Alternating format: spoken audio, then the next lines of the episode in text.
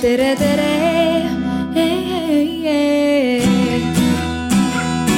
Eestimaa.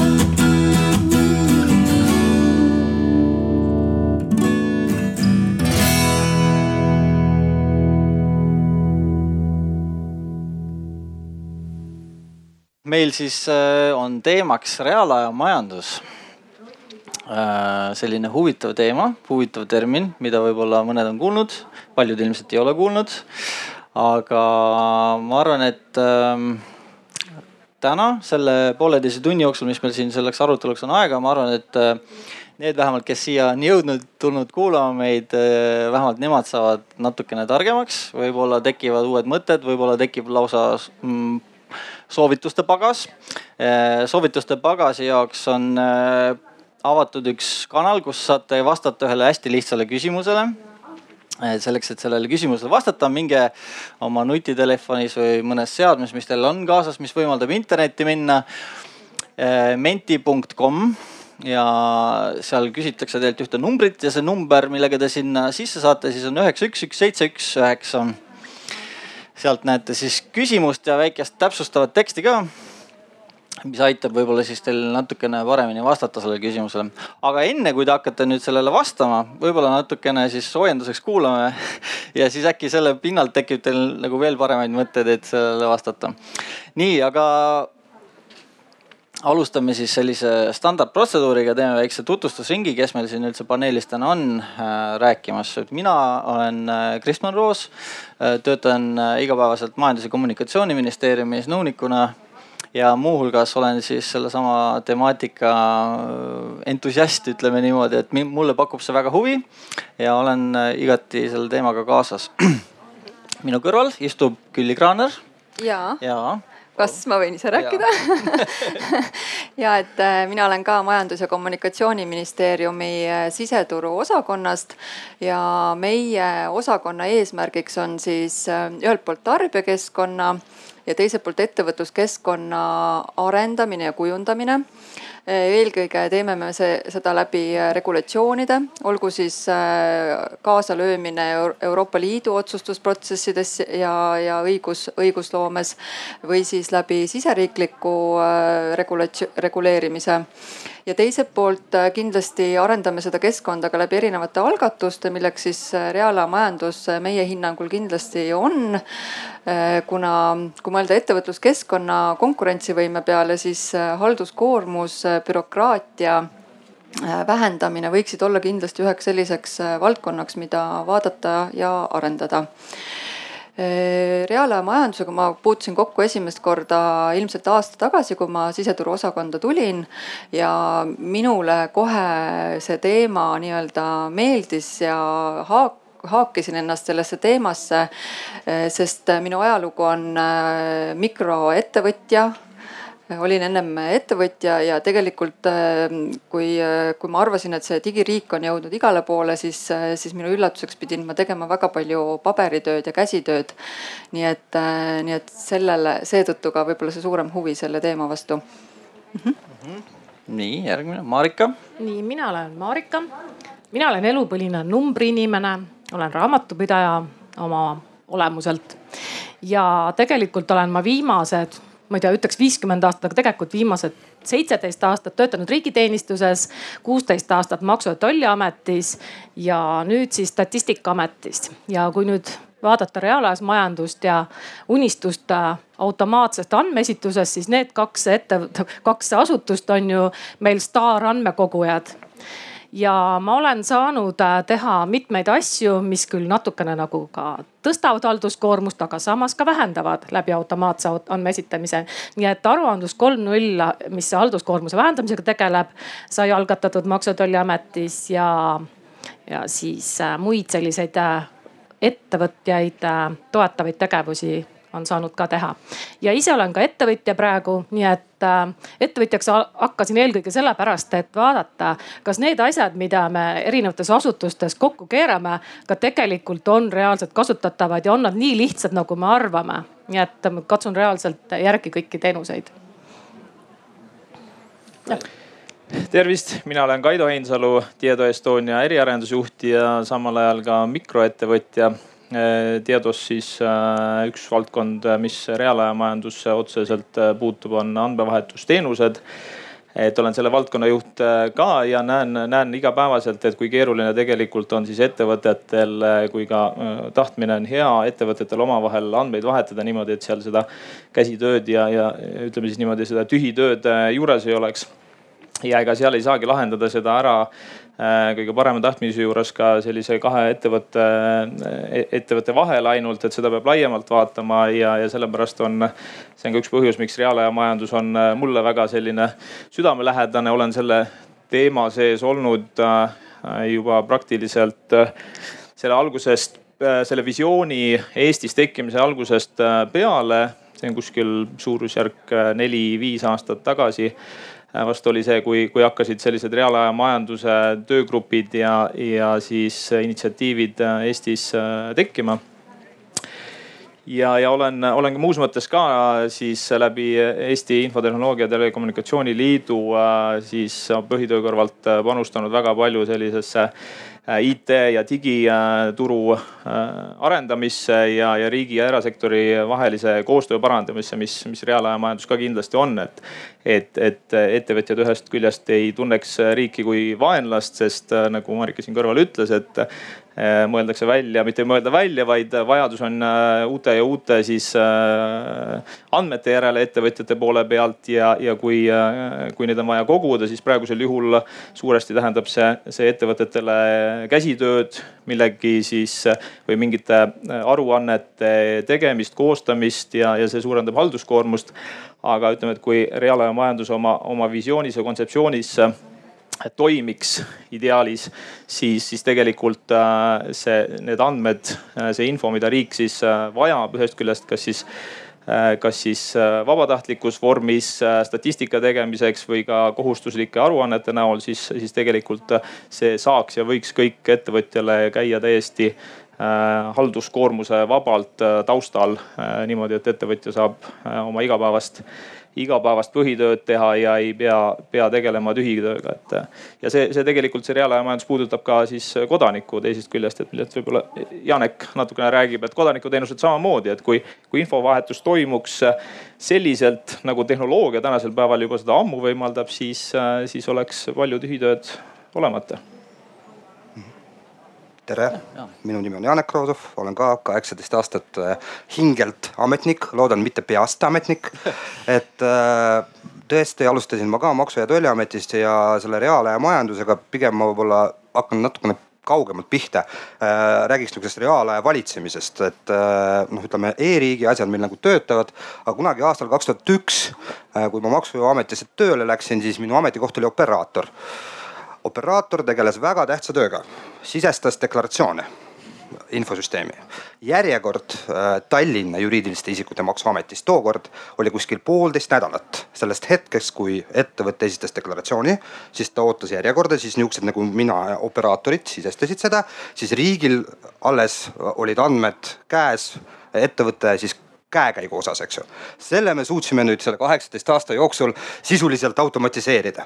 aga ikkagi äh, nihe on olemas, et äh, kuu või aasta või poolteist sellest, mis päriselt ettevõtluses toimus. sest see kõik aruandlus äh, esitatakse ju hiljemalt, eks ju.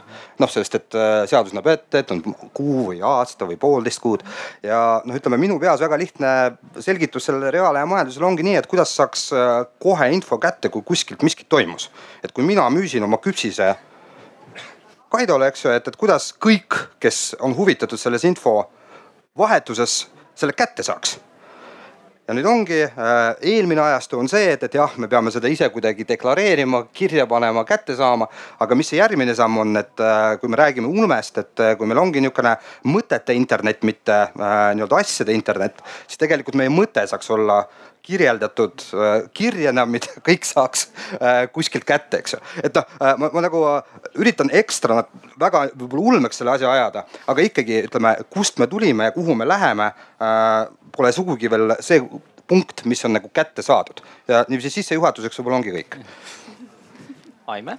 tere, mina olen Aime Roosioja ja olen selles seltskonnas siis ainuke inimene, kes ei ole pärit Tallinnast ehk siis äh, mina olen kohalik Paide elanik täiesti töötan küll hetkel Türi vallavalitsuses finantsjuhina ja töötanud nii Paide linnavalitsuses, rahandusministeeriumis, Tallinna linnavalitsuses, Järva maavalitsuses ja olen ka Eesti Raamatupidajate Kogu nõukoja üks kahekümnest liikmest. ja millega siis mina tegelen, kui mulle see teema välja pakuti, siis mina ütlesin, et mina ei tea reaalaja majandusest mitte midagi ja ma ei tea üldse, mis asi see on. ja siis tuli välja, et tegelikult aastast kaks tuhat kümme ma sellega tegelen juba. ehk siis äh, üks osa sellest on ka e-arved.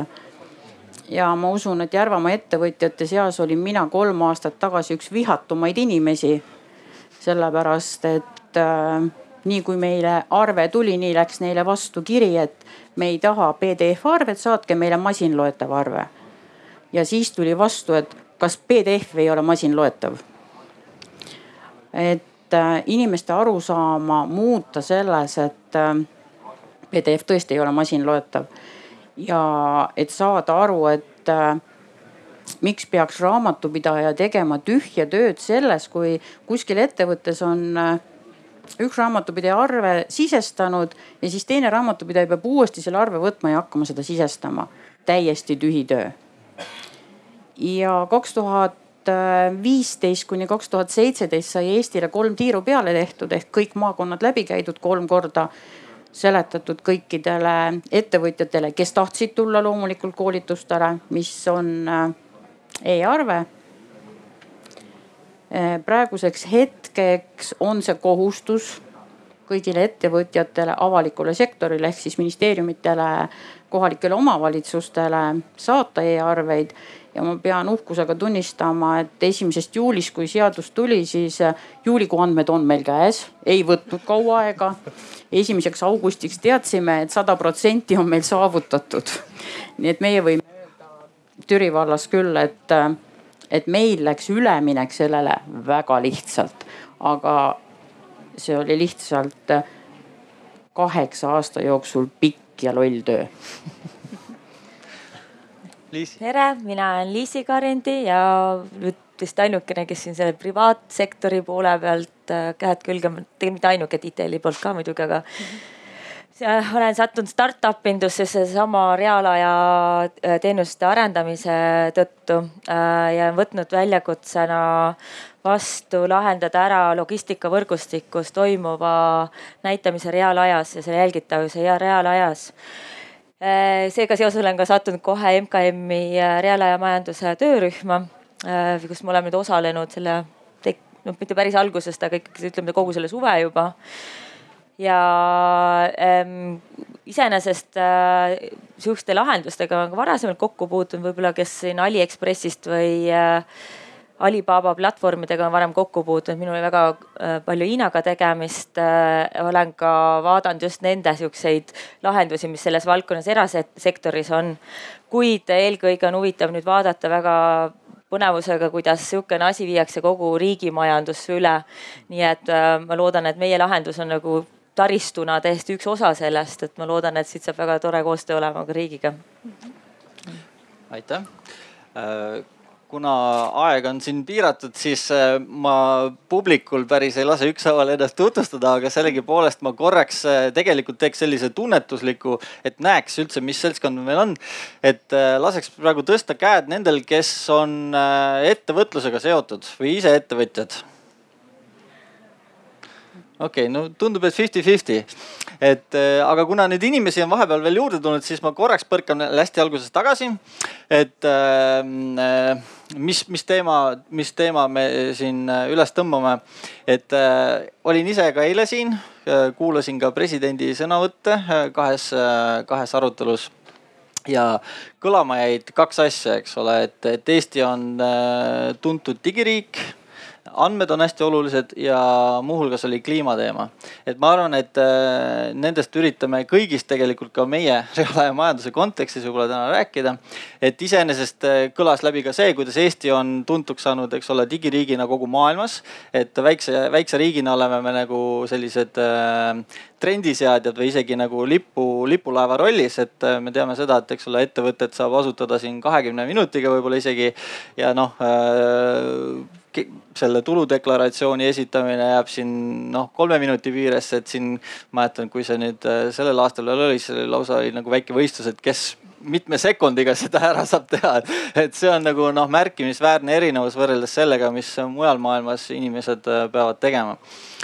Kus tuleb lausa vihikuid täita, aga selles mõttes, et ähm, mis see reaalaja majandus jah, et miks see, on minu isiklik kogemus reaalaja majandusega või esimene kokkupuude tegelikult on juba päris varakult. Äh, see oli vist, äh, ma arvan, et kas äkki kaks tuhat kuus või kaks tuhat seitse. See oli sihuke pooljuhuslik, ma sattusin ühel koosolekul olema, kus äh, Soome kolleegid käisid ministeeriumis külas rääkimas, et sihukene vahva idee on, et, et võiks nagu muuta ettevõtluse ja aruandluse palju lihtsamaks, sest et meil on palju andmeid, aga neid ei kasutata nii nagu võiks kasutada. et äh, et see oli, see oli nagu selline esimene, esimene kokkupuude reaalaja majandusega. siis veel ma ei osanud seda kuidagi kanaliseerida, see jäigi nagu pigem nagu riiulile seisma. aga mingi hetk teem, see teema uuesti tõusetus ja, ja mulle tuli kolleegiks äh, Külli Kraaner ministeeriumisse ja ma tutvustasin talle seda ideed ja see idee kohe haakis. et äkki sa räägidki see, et sellest, et miks see idee haakis, mis sellega on tehtud nüüd ministeeriumis, mis need, mis need plaanid üldse edasi on, et äh, siis, siis lähme võib-olla praktiliste näidete juurde tagasi uuesti Ehm, miks see haakis, oli ikkagi see, et äh, Majandus- ja Kommunikatsiooniministeeriumina me ju tegelikult otsime kõiki neid võimalusi, kuidas tõsta Eesti konkurentsivõimet. mis on need asjad, mis takistavad või soodustavad äh, meie tootlikkuse kasvu. Ehm, mis aitavad ettevõtluskeskkonna konkurentsivõimet tõsta, et äh, seetõttu just minule tunduski, et, et see reaalaja majandus kindlasti on üks teema, mida me võiksime põhjalikumalt analüüsida ja ja meie osakonda siis nii-öelda see vastutus tuli ja tegelikult on meil ka valitsuse eest kohustus järgmise aasta kevadeks esitada siis äh, nii-öelda selline plaan. et äh, mis see reaalmajandus meie jaoks on ja kuidas me selles edasi liigume aga, aga kui selle kontseptsiooni juurde tulla, siis äh, jah, et nagu siin on juba mitmeid kordi läbi käinud, et äh, see ei ole miski asi, äh, nüüd selline uus asi, mille me oleme leiutanud. et meil on hea koostöö TalTechi Nurkse instituudiga, kes aitab meil läbi viia akadeemilist uuringut. ja, ja sealt on juba välja tulnud tegelikult, et, et reaalaja majandus, kas nüüd otseselt mõistena, aga kontseptsioonina tegelikult on läbi käinud juba siin paar, kolmkümmend aastat äh, tagasi ajakirja, äh, äh, selles mõttes kirjandusest. Soomlased võtsid selle viisteist aastat tagasi nii-öelda pardale, Aalto ülikool tegi põhjalikke uurimusi. Ja, ja tegelikult nad töötasid välja ka ühe reaalaja majanduse indeksi, mis põhines küll peaasjalikult majandusarvestuse aspektidele ja seal Eesti äh, jäi Euroopa Liidu liikmete seas viieteistkümnendale või kuskile sinnakanti, et, et ega me väga hästi nagu siis äh, välja ei paistnud, aga toona me ei olnud ka veel nii tuntud digiriik mm. -hmm. ja põhimõtteliselt, kui me nüüd seda ideed oleme siin läbi siis meie reaalajamajanduse mitteametliku töögrupi arendanud. see on selline töögrupp, mis ei ole päriselt äh, selline formaalne töögrupp, et selle uksed on avatud, seal on kõik ministeeriumid, kes on huvitatud ja seotud. Äh, ametiasutused, ettevõtjad, ülikoolid, pangad on sinna kaasatud ja, ja koostöös me siis äh, seda üritame seal nii-öelda arendada ja ettevõtjatelt on äh, meil tagasiside tulnud, et äh, vahel äh, nii-öelda nagu sellise kõhklusena, et kuulge, et mul on ma ei tea, kümmekond arvet kuus, et, et ma ei näe seda kasu nii-öelda endale kohe otseselt. aga riigina tahame seda vaadata ikkagi tervikuna meie hea partner Eesti Raamatupidajate Kogu on välja näiteks toonud, et arvestusvaldkonna kulu SKP-s võib olla kuni null koma üheksa protsenti erinevad uuringud näitavad, et, et need käsitsi tehtavad tegevused meie majandus- ja ettevõtlusruumis võivad moodustada isegi viiskümmend protsenti. meie transpordi äh, töögrupp, äh, reaalajamajanduse töögrupp on välja toonud, et kui me suudaksime digitaliseerida selle logistikaahela äh, me suudaksime kaupu liigutada kuni kolmkümmend protsenti kiiremini. et, et nendest need, need on need meid riigi, riigi tasandil käivitavad äh, argumendid tegelikult. ja, ja kontseptsiooni osas siis veel tegelikult, mis, mis, mis see meie suur eesmärk on, me siin ikkagi tugineme soomlastele. Bo Harald kui siis üks reaalajamajanduse nii-öelda mm, kontseptsiooni alus, alusepanija on selle ka tegelikult välja toonud meile, et et see on siis ikkagi selline teatud äh, e-ökosüsteem, kus siis nii ettevõtjate, avaliku kui erasektori vahelised äh, administratiivsed ja finantstegevused toimuksid äh, standardiseeritud, struktureeritud kujul, nad oleksid järjest enam automatiseeritud, liiguksid reaalajas, ei toimuks sellist salvesta, edasta ja vaheetappi ja kindlasti me peaksime vaatama seda mitte ainult riigisiseselt, vaid ka üle piiride. et see piiride ülene aspekt on kohe algusest peale meile nii-öelda siis sellesse kontseptsiooni arendamisse sisse toodud. ja ja võib-olla kui mõelda, et kus me võiksime aasta pärast olla, et kui me siin aasta pärast tuleme, et mis sellest kontseptsioonist on saanud et siis me kindlasti loodame, et me oleme riigisiseselt kokku leppinud, äh, mis on see reaalmajandus, mis on need äh, nurgakivid, mis on esimesed sammud, mis me kindlasti peame ära tegema, mis ajaraamis me võiksime liikuda, kuidas me kaasame või tekitame selle piiriülese vaate, kuidas me kaasame Läänemere regiooni riigid sellesse kontseptsiooni ja, ja, ja kindlasti tahame liikuda ka Euroopa Liidu tasandile, mida me oleme ka alustanud, et, et seda sõnumit ja ideed viia ka Euroopa Liidu otsustusprotsessidesse ja, ja tegelikult juba täna näeme, et eh, erinevad Euroopa tasandi ametiasutused on selle vastu eh, hakanud suurt huvi tundma. et ma ei teagi võib-olla väga-väga hea sissejuhatus selles mõttes, et ütleme, et see annab siukse perspektiivse ülevaate, et mis on toimunud, noh, ongi täpselt, et mis, mis on plaanis, mis on tehtud ja kus see, kus see seisab. et aga noh, praegu jäigi ikkagi kõlama peaasjalikult nagu see, et noh, raamatupidamise andmed ja et mm -hmm. kus see fookus, et kas, kas see, kas see, ma lihtsalt võtan ise praegu selle teema osalise teadjana nagu selle mütsi maha ja küsin nagu mm -hmm. publikuna, et et oot, aga kas see, kas see raamatupidamine on ikka nii oluline, et, et meil on nagu olulisemaid küsimusi, et, et mis, kas, kas see on nagu hästi kitsa vaatega see kogu see reaalajamajandus või, või peaks seda laiemalt vaatama? Äh, no, no tegelikult me vaatame seda ju nii sektorite kui valdkondade üleselt, et äh, raamatupidamine on see üks kõige konkreetsem äh, võib-olla algus või, või hea näiteid tuua, et seal on lihtsalt nii palju selliseid käsitöö nii-öelda elemente. ja, ja e-arved kindlasti ühe siis alustalana noh, on ka kohe kõiki nii-öelda on võimalik sellega kaasa tuua sellesse teemasse. aga tegelikult meie töö käib äh, siis alatöögruppide näol ja jah, majandusarvestus, aruandlus riigi suunal äh,, igasugune maksundusega seotud temaatikad, et need on kindlasti üks suur plokk reaalaja majandusest.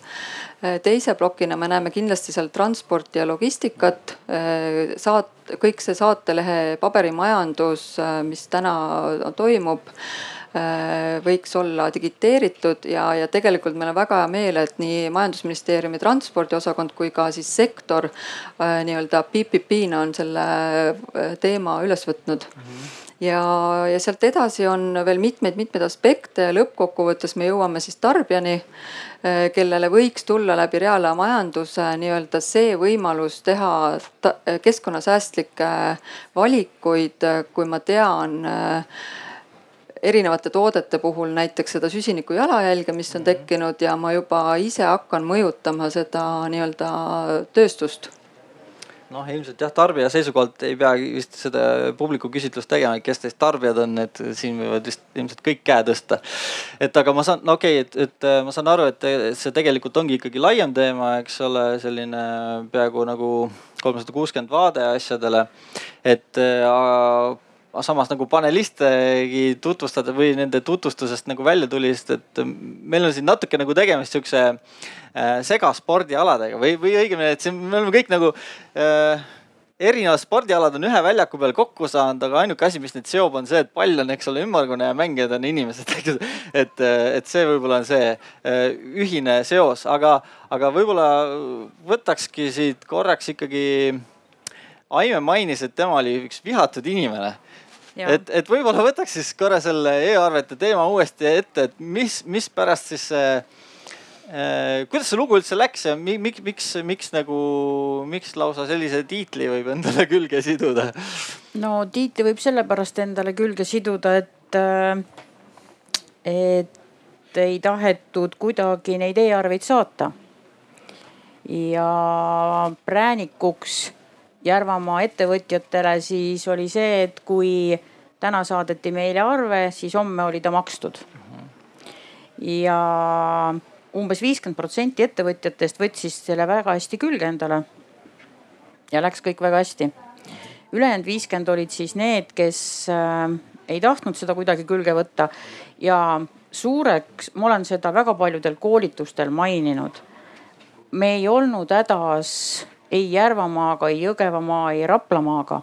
me olime hädas Tallinna ja Tartu ettevõtjatega Äh, ja me olime hädas Tallinna ja Tartu ettevõtjatega veel ka selle aasta mai ja juunikuuses. sest ettevõtjad lihtsalt ei saanud aru, milleks on e-arve neile hea, miks nad peavad seda tegema. ja selliselt see asi lihtsalt kujuneski. See vihatud tiitel tuli kaks tuhat seitseteist, siis kui riik esimest korda ütles, et esimesest jaanuarist minnakse üle e-arvetele ja toimusid koolitused ja kus me igal pool ütlesime, et peate tegema ja peate tegema. ja ettevõtjad olid kindlad, et riigikogu seadust vastu ei võta ja nii paraku läkski mm. -hmm. ma jätkan võib-olla sellise äh, ütleme teadmatu inimesega publikust, et mis asi see e-arve ikkagi on nagu selles mõttes, et see PDF on ju ka digitaalne, elektrooniline, see on ju ka e-arve. PDF-i peal on kõik numbrid kirjas. miks, miks see e-arve nüüd siis nii eriline teema on või mida see siis nagu päriselt paremaks teeb?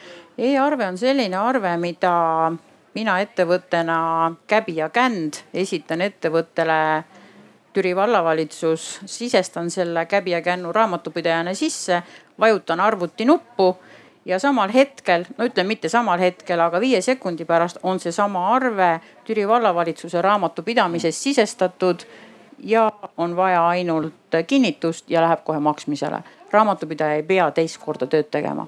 arve ei ringle suure territooriumi peal ringi, ei otsi omanikku, et kes see olema peab Mm -hmm. nii lihtne ta ongi. põhimõtteliselt siis ütleme, kui nüüd kanda seesama mõte nagu pabermaailma tagasi, et et selle nupuvajutusega, eks ole, teostuvad need protsessid viie sekundi jooksul võib-olla aga kui me tahaksime nüüd teha, eks ole, seda vanaviisi võib-olla seal Excelis või PDF-is on ju, siis me prindime ta võib-olla isegi välja, äkki paneme isegi posti ja Ikka. siis võib-olla viie päeva pärast jõuab see sinna. see, et siis... neid postis tuleb, see on äh, praegu ka veel tavaline, sest ettevõte saadab e-arve ja siis igaks juhuks saadab ka postiga veel. Mhm. igaks juhuks, ehk ei jõua jah okay., et meil on juba ära makstud, aga postist alles arve tuleb, selliseid asju on küll jah uh. -huh.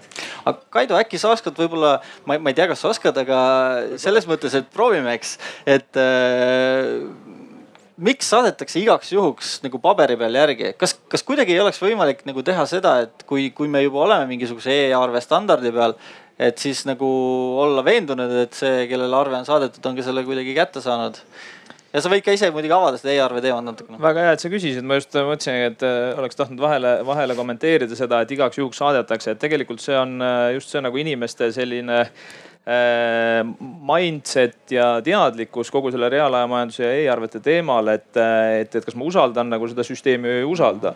et, et kui äh, mingi süsteemi osas usaldus äh, kasvab, see on siis nii-öelda, kuidas öelda, mitte süsteemi loojate, vaid ütleme siis kogukonnas omaks võetud ja, ja, ja, ja see toimib ja see on ennast tõestanud siis ühel hetkel enam ei, ei saadeta, aga sinnapoole on vaja nagu liikuma hakata, ei saadeta neid igaks juhuks asju, et noh, et, et ühel hetkel on nagu see, et, et paberi peal asja ja, ja sinnapoole juba liigutakse, et paberi ja PDF, PDF-i peal asja usaldatakse vähem kui elektroonselt äh, digis liikuvat asja, sest tegelikkuses nii ta on.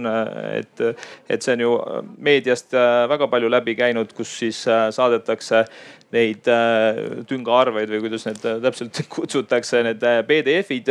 PDF-i võib igaüks valmis teha, paberil asja võib igaüks välja printida ja õngitsetaksegi siis suurtes ettevõtetes see masinavärk on nii suur, et, et ei pandagi tähele ja suurtes ettevõtetes paljudes ma tean, et, et, et ongi, et mingi siis äh, suuremad arved läbivad äh, sellise suurema või, või, või tugevama kontrolli, mingid arved makstakse siis äh, väga lihtsasti ära ja selle peale siis mängitaksegi mm. -hmm. samal ajal kui see, et, et kui info, kas ta on siis e-arvena või ükskõik mis elektroonset kanalit pidi ta liigub, see kanal on ikkagi turvatud ja, ja see, see, selle info nii-öelda siis vahele segamise või selle siis kuidas öelda, pahta, pahatahtlikult äh, ärakasutamist on, on võimalik, äh, on oluliselt vähem võimalik teha kui siis PDF-i või, või paberina. Mhm. ja seda tahtsin veel juurde öelda, et et tegelikult see e-arve, et noh, et mis see arve on, et ükskõik, kas ta on siis e-arve, on ta PDF või paberil, on ju see, et üks ettevõte või üks osapool esitab teisele, et vaat sa, sa oled mulle nii palju siis, sa pead maksma mulle nii palju raha selle teenuse või, või kauba eest, mida sa tarbisid või sa oled mulle nii palju võlgu. et tegelikkuses, kui me ütleme aegade alguses oleks juba reaalaja, tehnoloogia oleks võimaldanud ja, ja reaalaja majandus oleks hakanud äh, tekkima nii, nagu ta kontseptsioonis praegu on. et siis igasugused arved tegelikult, arvet kui sellist äh, ei pruugiks üldse olla, sest tegelikult on lihtsalt vaja teise osapooleni viia see info, et vot selle kauba eest äh, või selle teenuse eest, mida sa tarbisid, sa pead mulle kandma nüüd nii palju raha seda on hakatud arveks kutsuma sellepärast, et jah, et oli vaja midagi, kuidas see info nüüd teiseni viia. alguses oli see paberil, siis oli PDF-is meiliga. et tegelikkuses äh, ta, ta peaks toimuma reaalaja majanduse kontseptsioonis äh, ja visioonis äh, täpselt niimoodi, et, et kui ma olen teenust või kaupa tarbinud, siis see info läheb teisele osapoolele, kas me kutsume seda e-arveks või kuidas iganes. et, et see peakski toimuma reaalajas ja, ja siis masinloetavalt, nagu siin juttu oli. et, et selle, selle arve või selle info liigutamise juures juures ei käiks mingit äh, käsitööd, et see, see ei ole nii-öelda siis, see ei ole see, see ei ole ettevõtete nagu äh, põhitegevus ja, ja see ongi nagu üks reaalajamajanduse selline alustala ka, et see, mis ei ole nagu ettevõtte põhitegevus, sellega ei peaks Äh, pead vaevama, sellega ei peaks äh, tegelema ja sellisest tühitööst tuleks, äh, tuleks siis vabaneda.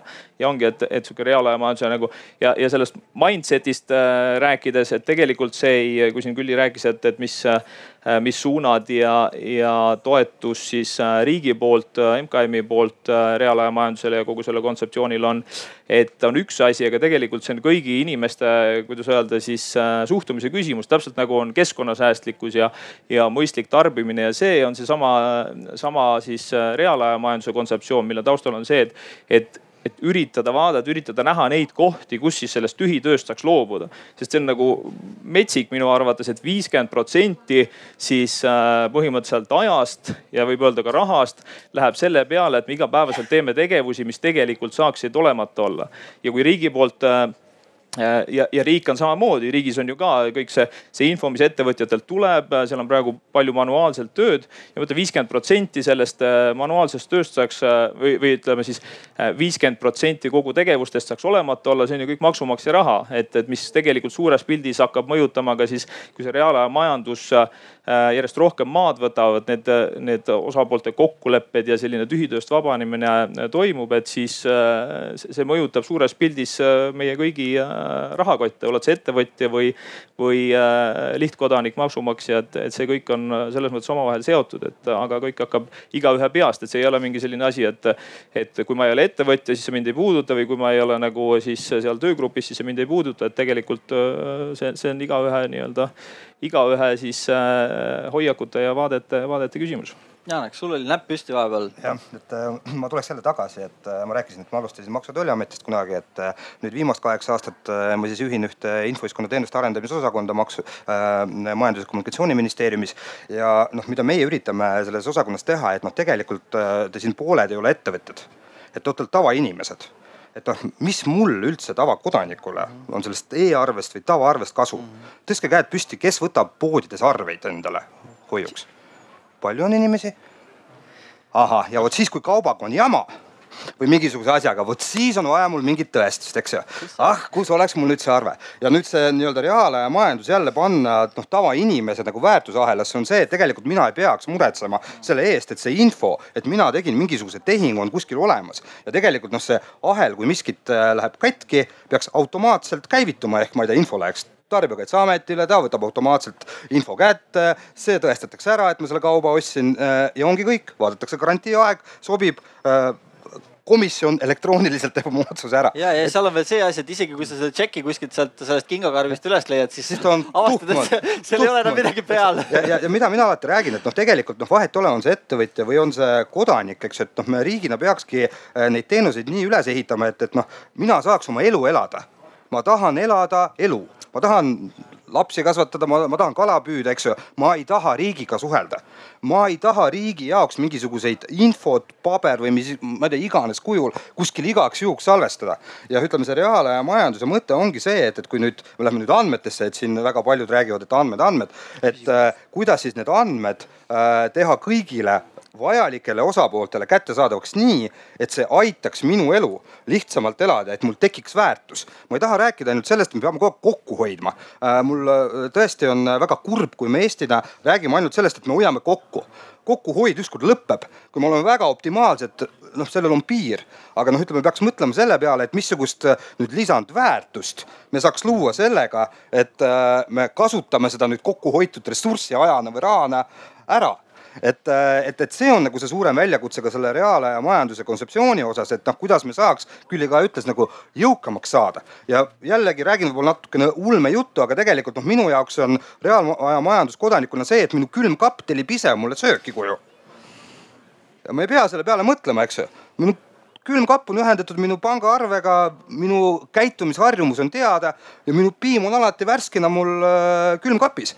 ja ma ei taha teada, missugused paberid seal taga liiguvad aga selleks mul on vaja loovutada minu andmed kellelegi külmkapile, eks ju, või selle teenuse osutajale või kellelegi iganes. ja siis me tek- ja, ja vot siis tekib see niinimetatud küsimus, et kui kaugele me riigiga tahame minna kui sügavale me lubame riigil enda eest asju ära teha, et minul tekiks see niinimetatud väärtus äh, kalal käia. või ma pean ikka ise midagi seal vahepeal tegema ja see tegelikult on ka üks osa sellest suurest diskussioonist siin äh, meie nii-öelda digitaalses Eestis, et äh, kui kaugele me läheme või kui ja, sügavale me kaegame. see küsimus. et, et, et, et, et, et ja seda peaks igaüks ise nagu otsustama, mina tahan, et külmkapp suhtleks, eks ju, poega. Kristjan ei taha, eks ju, et ta tahab võib-olla ise väikest kontrolli mm, omada, aga ikkagi selle kogu mõte on see, et äh, me nagu läbi mingisuguse ühe sündmuse, mis meil elus juhtub, eks ju, suudaks kogu bürokraatia ühtepidi ära lõigata ja teistpidi saada maksimaalset väärtust, mitte raisates kõige tähtsamat asja, mis meil on, aega suhtlemiseks ma ei tea, ametnikega või teise osapoolega. et noh, asjad võiks, nagu mina räägin, automaagiliselt ise juhtuda siis, kui ma ise seda tahan ja see on nagu minu meelest see kõige lihtsam selgitus sellele nii-öelda reaalaja majandusele minu peas vähemalt. jah, see, see nii-öelda riigi digisügavuse temaatika tõusetus ka ühes arutelus, kus osales ka president ja seal oli täpselt seesama küsimus, kus see tasakaalupunkt on. aga kuna me oleme tegelikult tempoga päris hästi veel ajaraamis, siis äh, publikus on üks küsimus, et äh, tegelikult annaks võimaluse, seal on mikrofon, äkki saate kuidagi teatepulgana edasi anda selle küsimuse esitajani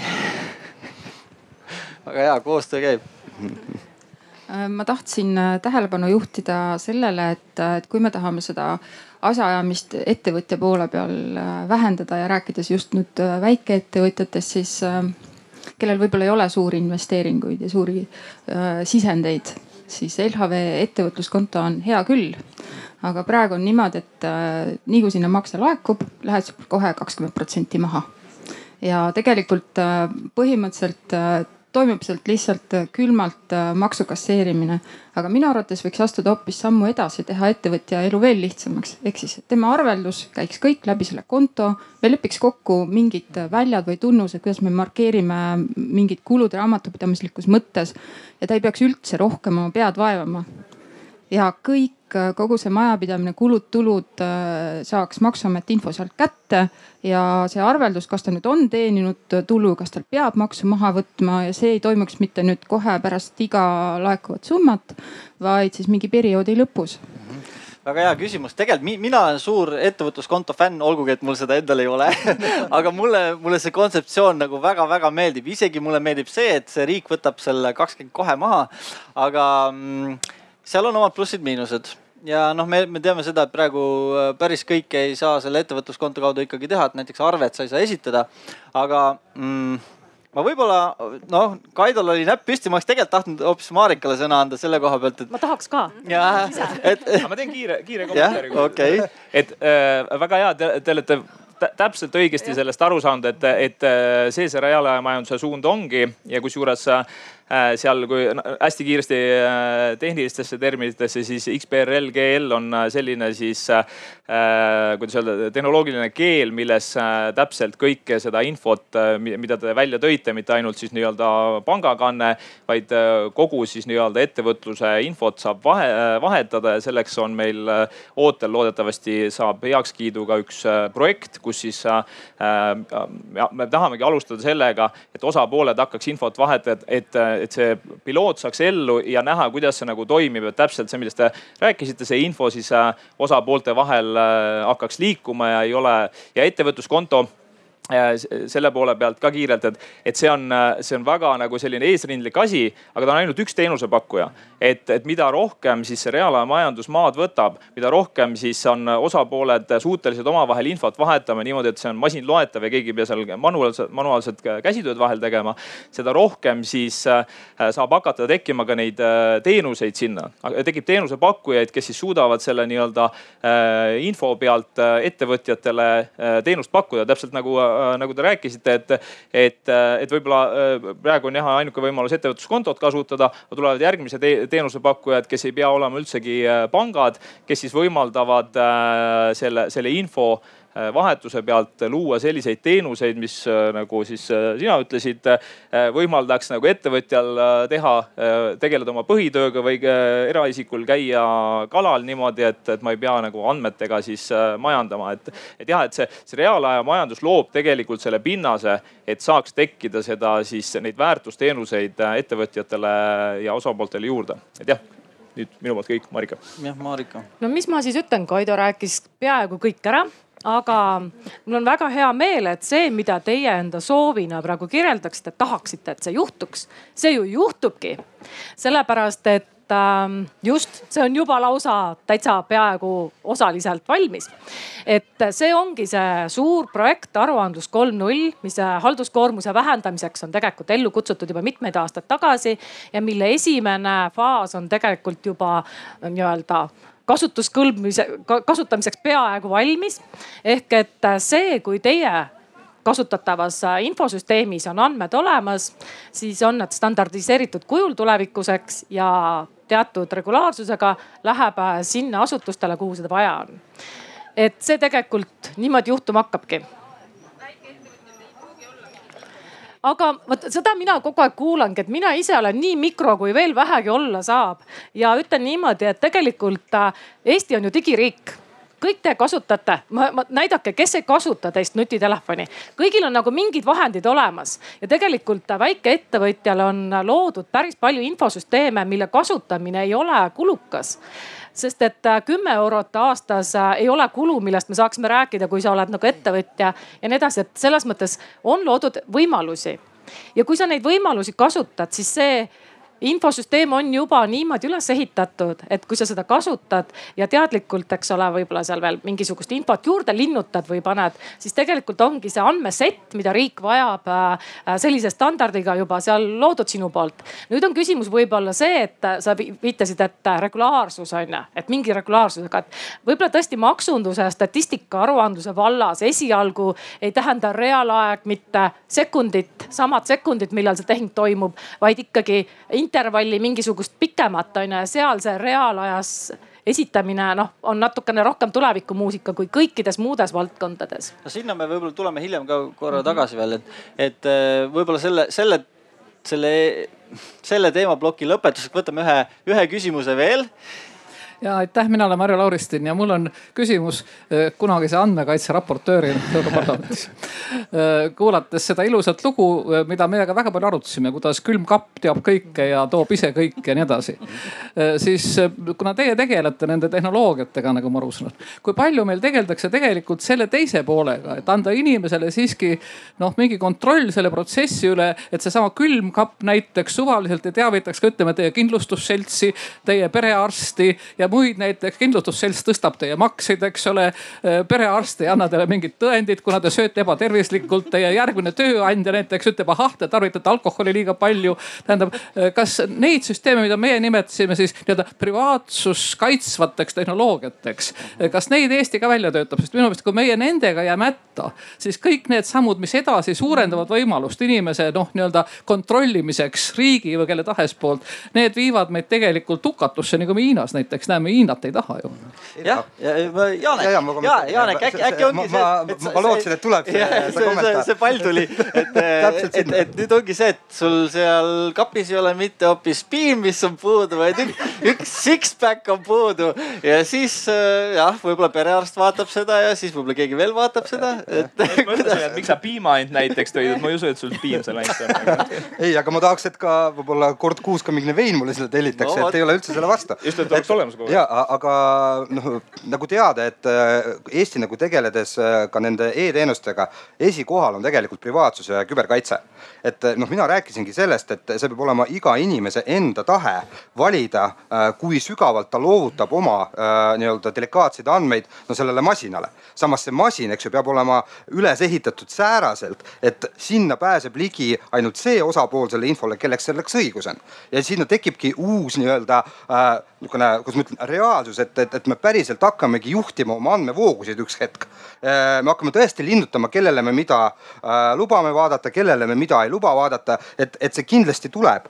esiteks selle asjade internetiga ja teiseks sellega, et, et noh, me hakkame olema äh, üleühendatud. mina küll usun sellesse, et igal sellel toolil äh, tulevikus on mingisugune koht internetis, eks ju, mis on reaalajas track itav ja nii edasi. sinna läheb aega, aga me peame valmis olema tõesti selleks, et me saame kaitsta oma nii-öelda seda küberruumi. no te räägite praegu sellest niisuguses noh soovi modaalsuses, me peame olema valmis, we should eks ole. minu küsimus oli konkreetne, kas meie infotehnoloogid, kõik need, kes valmistavad meid igasugusteks uuteks nendeks noh võimalusteks, samal ajal ka tegelevad siis selle privaatsust kaitsvate tehnoloogiate arendamisega. sest me võiksime siin kah olla Euroopas näiteks noh sama liidrid, nagu me oleme selles e-riigis. ja aga ütleme niiviisi, et Eesti ongi vist ainuke riik, kes on suuteline läbi siis võtame termini XD, eks ju, andmevahetuskihi äh, krüpteeritud kujul vahetama andmeid üle kõikide registrite ja see on tõesti krüpteeritud, see on kahe osapoolteline kokkulepe, missugused andmed liiguvad, missuguse sagedusega, kuidas nad kaitstud on ja see töötab, see töötab meie digiriigi algusest.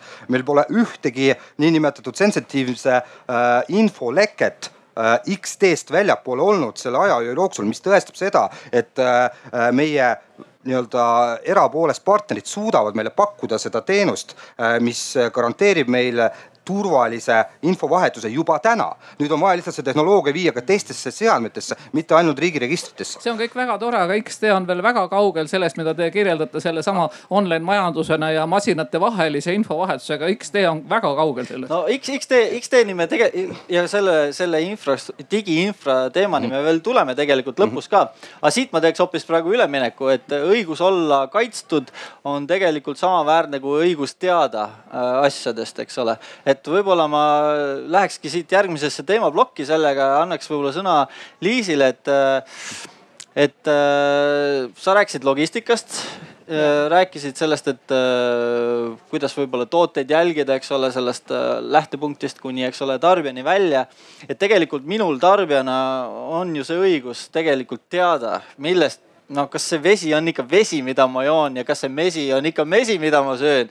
eks ole, et võib-olla sa avad korra seda poolt ka, et, et äh, tegelikult jah, selle minu, eks ole, andmete kaitsmise kõrval on ka minu õigus teada, eks ole, mingeid andmeid. no seal, eks seal ongi kaks osapoolt, et kuna ma olen ise väga palju või pikalt tegelenud nende ettevõtete abistamisega, kes on tahtnud siin teistele turgudele liikuda, et nüüd me jõuame võib-olla ka see piiriülese äh, süsteemini ja noh, kui me ütleme, et Eestis veel mingil määral meil ei ole võib-olla seda tunnet, et me ilmtingimata tahame, vajame seda teadmist on ju, et kust tuli mm. mesi, ma lähen oma naabrimehe juurde ja tema kaudu ostan ja tal on seal mingid tarud kuskil ja kõik on fine on ju.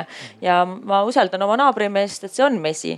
aga ütleme niimoodi, et kui me nüüd räägime sellest, et see mesi peaks jõudma mingisugusele välisturule, kus kindlasti sihukest noh teadmist äh, ei ettevõtte, ei nende inimeste kohta ei ole on ju ja ka on teadmine, et, äh, et viiskümmend protsenti globaalsel turul olevast meest on tegelikult hoopis suhkur et tekib küll vajadus jah, et, äh, et kliendina tahad teada ja tarbijana tahad teada, et mida ma tegelikult tarbin ja kuskohast see tegelikult tuleb ja kuidas ma saan selle garantii. et see on mesi ja mitte suhkur, et just vastupidi, et see on midagi, mis mul on tervisele kasulik ja mitte midagi, mis mu tervist hakkab hoopis kahjustama.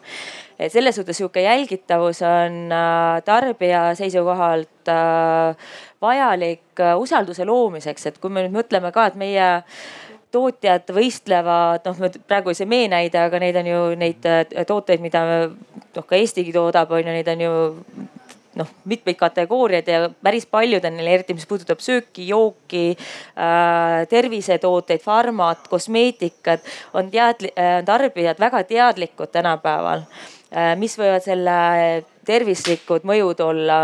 Ja kui me lähme riikidesse, kus äh, on ka palju sihukest äh, võltstootmist, jah, et kasutatakse ära mingisuguseid brände, mida nagu tarbija teab, mis peaks talle nagu andma selle usalduse, et kui ma sellelt brändilt ostan, siis on äh, õige kraam aga kui äh, ütleme, et ei ole ju mingit kontrollmomentidel, siis tõepoolest äh, Äh, lõpuks ta ei tea, kas ta ostis nüüd originaaltoote või on see hoopis mingisugune manipuleeritud toode või hoopis äh, täielik võlts. okei okay,, aga, ma küsin korra täpsustuseks, et, et äh, kuidas seda üldse nagu tehnoloogiliselt no lihtsalt võib-olla sa kirjeldad natukene, et -hmm. mis, mismoodi see kuidas see loogika nagu käib ja kuidas seda üldse nagu selle reaalaja majanduse kontekstis üldse on võimalik saavutada seda nii-öelda jälgitavust siis? no eks see on seesama, sama, sama, sama noh, lihtsustatult on, tekivad ka andmekogumispunktid mm. -hmm. et äh, vaadata kasvõi kust toode on alguse saanud, kuhu ta on liikunud, äh, kuidas ta kogu selles tarneahelas äh,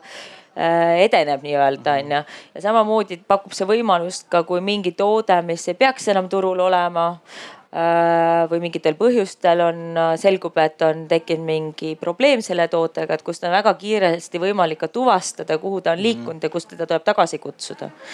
Äh, lisaks sellele muidugi ettevõtja poole pealt on huvitav, kui sa oled mingi toote tootja võimalikult palju ka infot saada näiteks tarbija harjumuse kohta, et seesama süsteem võimaldab ka selle, selle info tagasiliikumist tegelikult mm -hmm. tootjani, kes ütleb, ahah, nüüd ma saan, ma saan teada et äh, minu toodet tarbitakse kõige rohkem selles äh, piirkonnas mm.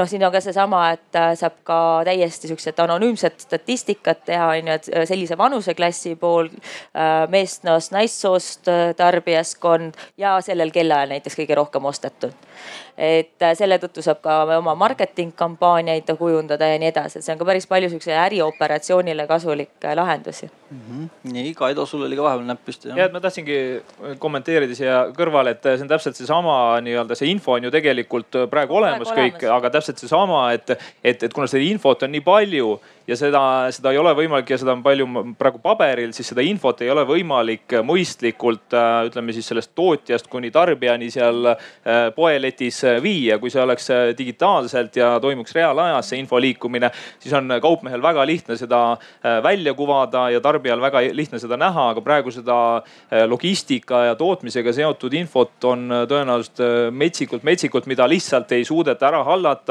ja. ta on, jah, ta, ta on fragmenteeritud tehtud, sest tegelikult jah, seda infot on, sellega tegelevad, me anname iga päev väga palju infot enda kohta välja kõikidele erasektori ettevõtetele samamoodi.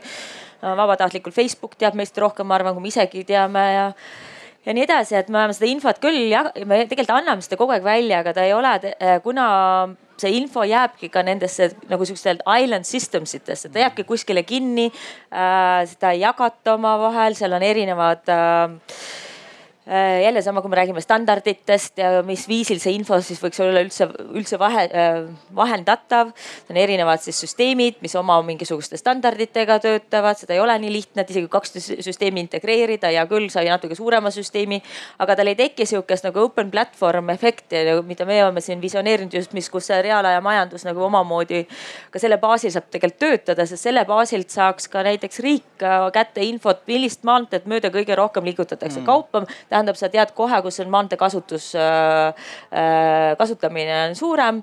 Äh, võid juba teha sealt omad järeldused, hästi palju saab ka teha siukseid nii-öelda predictive analüütikat ja enne, enne sihukest ja samamoodi saab seal täpselt sedasama jalajälje, jalajälge, süsiniku jalajälge jälgida ja see samamoodi, kui me mõtleme nüüd riigi tasandil, siis see süsiniku teema on ka majanduslikult teema. me tegeleme siin süsiniku Äh, või ütleme emissioonide äh, kauplemisega mm. riikide vahel ja nii edasi, et sealt saab päris palju sihukest nii-öelda lisaväärtust toovaid äh, lahendusi kui on olemas taristu, jah.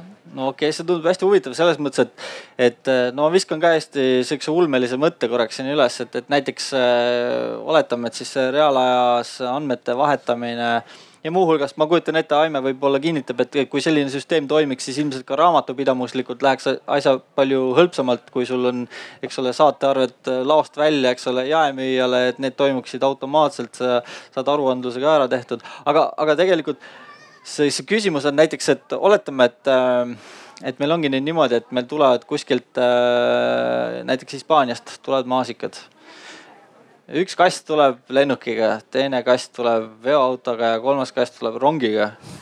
eks, et, et eh, selles ahelas, kas on võimalik üldse nagu välja arvutada seda jalajälge sinna, et mis seal, mis sellel maasikal, mis lõpuks nagu siia meile letile jõuab, et mis jalajälg tal on ja kui see on võimalik, see on võib-olla küsimus Marikale varasema kogemuse põhjal, et äkki oleks võimalik lausa rakendada sellist dünaamilist maksustamist.